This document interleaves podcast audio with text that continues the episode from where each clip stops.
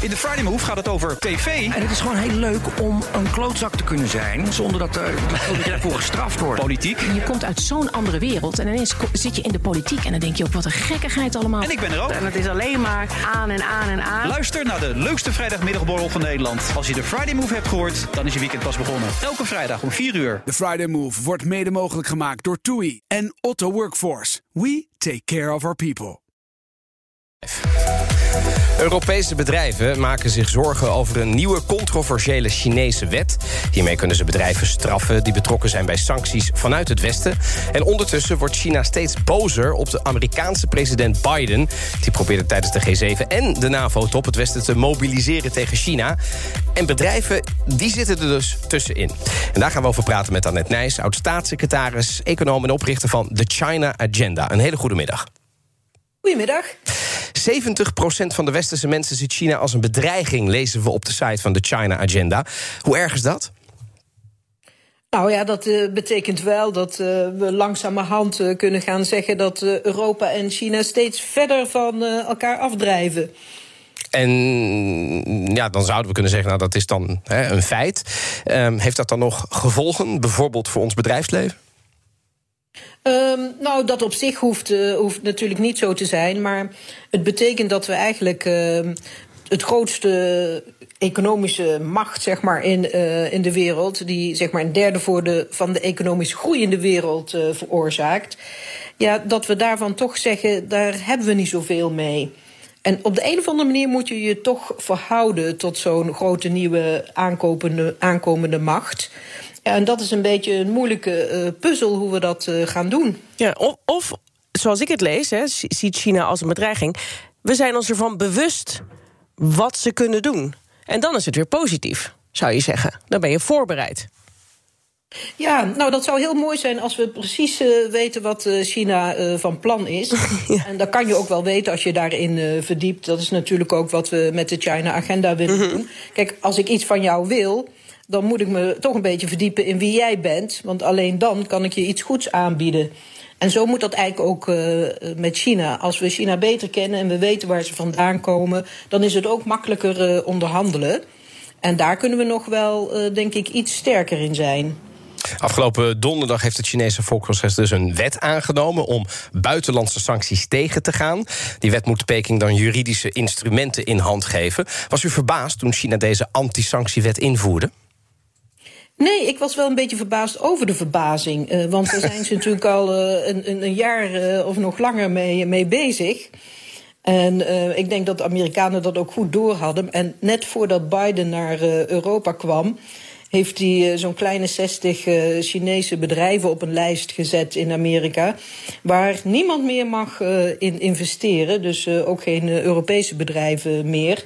Ja, en China was natuurlijk heel snel met het antwoord. Die hebben Ja. iets sneller door eh, het parlement eh, gejaagd. Ja, dat kunnen ze daar, hè? Ja, dat kunnen ze. En eh, dus ja, dat was gelijk lik op stuk. Ja, en, en dat, dat, dat verbaast op zich natuurlijk ook weer niet. Maar laten we dan even gaan naar de gevolgen voor Nederlandse, voor Europese bedrijven. Details over die wet, ja, die heb ik nog, nog weinig kunnen vinden. Maar worden we geraakt hierdoor? Eh, ja, die wet doet eigenlijk twee dingen. Die zegt dat ehm, iedereen die zich bezighoudt eh, met sancties eh, tegen China, die kunnen op een zwarte lijst geplaatst worden. Ehm, we hebben al gezien dat bij ons een Tweede Kamerlid op die lijst staat. Maar dat kunnen ook managers zijn van bedrijven. En die mogen China dan niet meer in. Als ze iets aan geld hadden in China, wordt dat bevroren. Maar ook, mogen ook geen zaken meer doen. En dat geldt dan ook voor hun familie. Nou, dat is op zich nog wel heel erg eh, licht. Hè. De, de- Mhm. Europa eh, heeft Chinezen op de lijst staan, Amerika en Precies. China dus ook eh, Westerlingen. Dus dat is op zich niks nieuws. Überhaupt ehm, is de anti-sanctie wat ze doen ook niet nieuw, alleen is het in een wet gegoten. Ja, Maar wat nu het geval is, als bijvoorbeeld, ehm, nou, stel dat ASML. Om, om een klein bedrijf te noemen in Nederland. Ja, Ja, oh, ja. nou dat kent iedereen, dus dat is Zeker. een voorbeeldje. Ja. Als die eh, wat verkoopt ehm, waarvan Amerika heeft gezegd eh, dat mag niet Mhm. aan, aan Chinese bedrijven, dan kunnen die Chinese bedrijven nu naar de rechter en zeggen: ja, daar zijn we door benadeeld, want we hebben nu geen chips, dus we kunnen niet produceren en dat gaat geld kosten.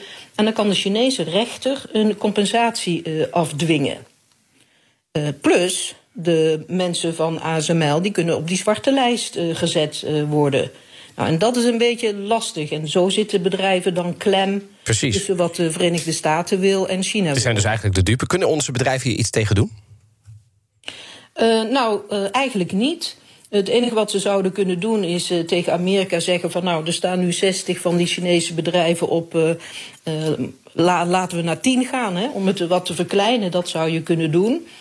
En je zou kunnen uh, lobbyen uh, richting Europa en de Verenigde Staten en China. Maar dat lijkt me heel lastig om uh, dat echt te winnen. Ik, ik heb zelf het gevoel dat het ook een volgende stap is na de handelsoorlog. dat we nu een sanctieoorlog krijgen. En dan is natuurlijk, vind ik het heel bijzonder dat China zijn wet anti-sanctie heeft genoemd. Zo van het is een antwoord op de sancties en jullie zijn, zijn begonnen. Maar ja, dat kan natuurlijk escaleren en dan moeten bedrijven ja, gaan kiezen. Dat wordt wel heel lastig. Je luistert naar In de Middag met als gast Annette Nijs... oud-staatssecretaris en oprichter van de China-agenda... over de nieuwe antisanctiewet in China. Uh, ja, u zei het eigenlijk net al, hè. onder Trump hadden we een handelsoorlog... maar nu moeten we oppassen voor een soort sanctieoorlog. Hoe groot is nou de kans dat die ontstaat? Dat er die hele tijd actie-reactie is? Nou, die is heel erg groot, want op een gegeven moment houdt het een beetje op wat je met elkaar kan uh, doen als je elkaar dwars wil zitten op economisch gebied. He, dan, uh, wie zijn dat? dat? Dat is handel en dat zijn bedrijven en dat is technologie. En op al die fronten, we hebben natuurlijk een beetje een technologieoorlog, we mm -hmm. hebben een sanctieoorlog en we hebben een handelsoorlog. Dus ik denk dat dat niet snel um, weg te denken is. Okay. We weten natuurlijk nog niet wat China met die wet gaat doen. Er is nog geen enkel bedrijf in die situatie gekomen. Nee. Maar dat kan zomaar gebeuren. Uh, op uh, deze plek uh, interviewden we een paar weken geleden Rob de Wijk, hoogleraar internationale betrekkingen. En die zei ja. dit een paar weken geleden bij ons over China. Wat wel daadkrachtig is, is op het moment dat ze wat van ons willen. Ze willen een handelsakkoord. Ze willen ons uh, ja, toch knechten. Uh, de, de, de Chinezen die willen eigenlijk van Europa een groot wintergewest uh, maken. Dat ja. lukt niet. Nee, hij zegt dus dat Europa zeker macht heeft tegenover China. En onze sancties, zei hij eigenlijk letterlijk, ja, die helpen daarbij.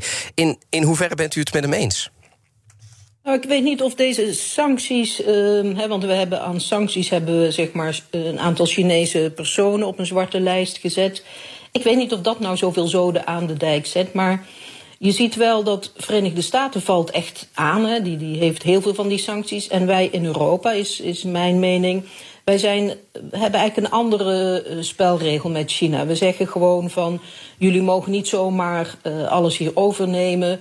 Uh, in mei is net een laatste voorstel in Europa uh, gekomen om uh, niet-EU-bedrijven die dan door de staat worden gesteund, hè, lees Chinese bedrijven, ja.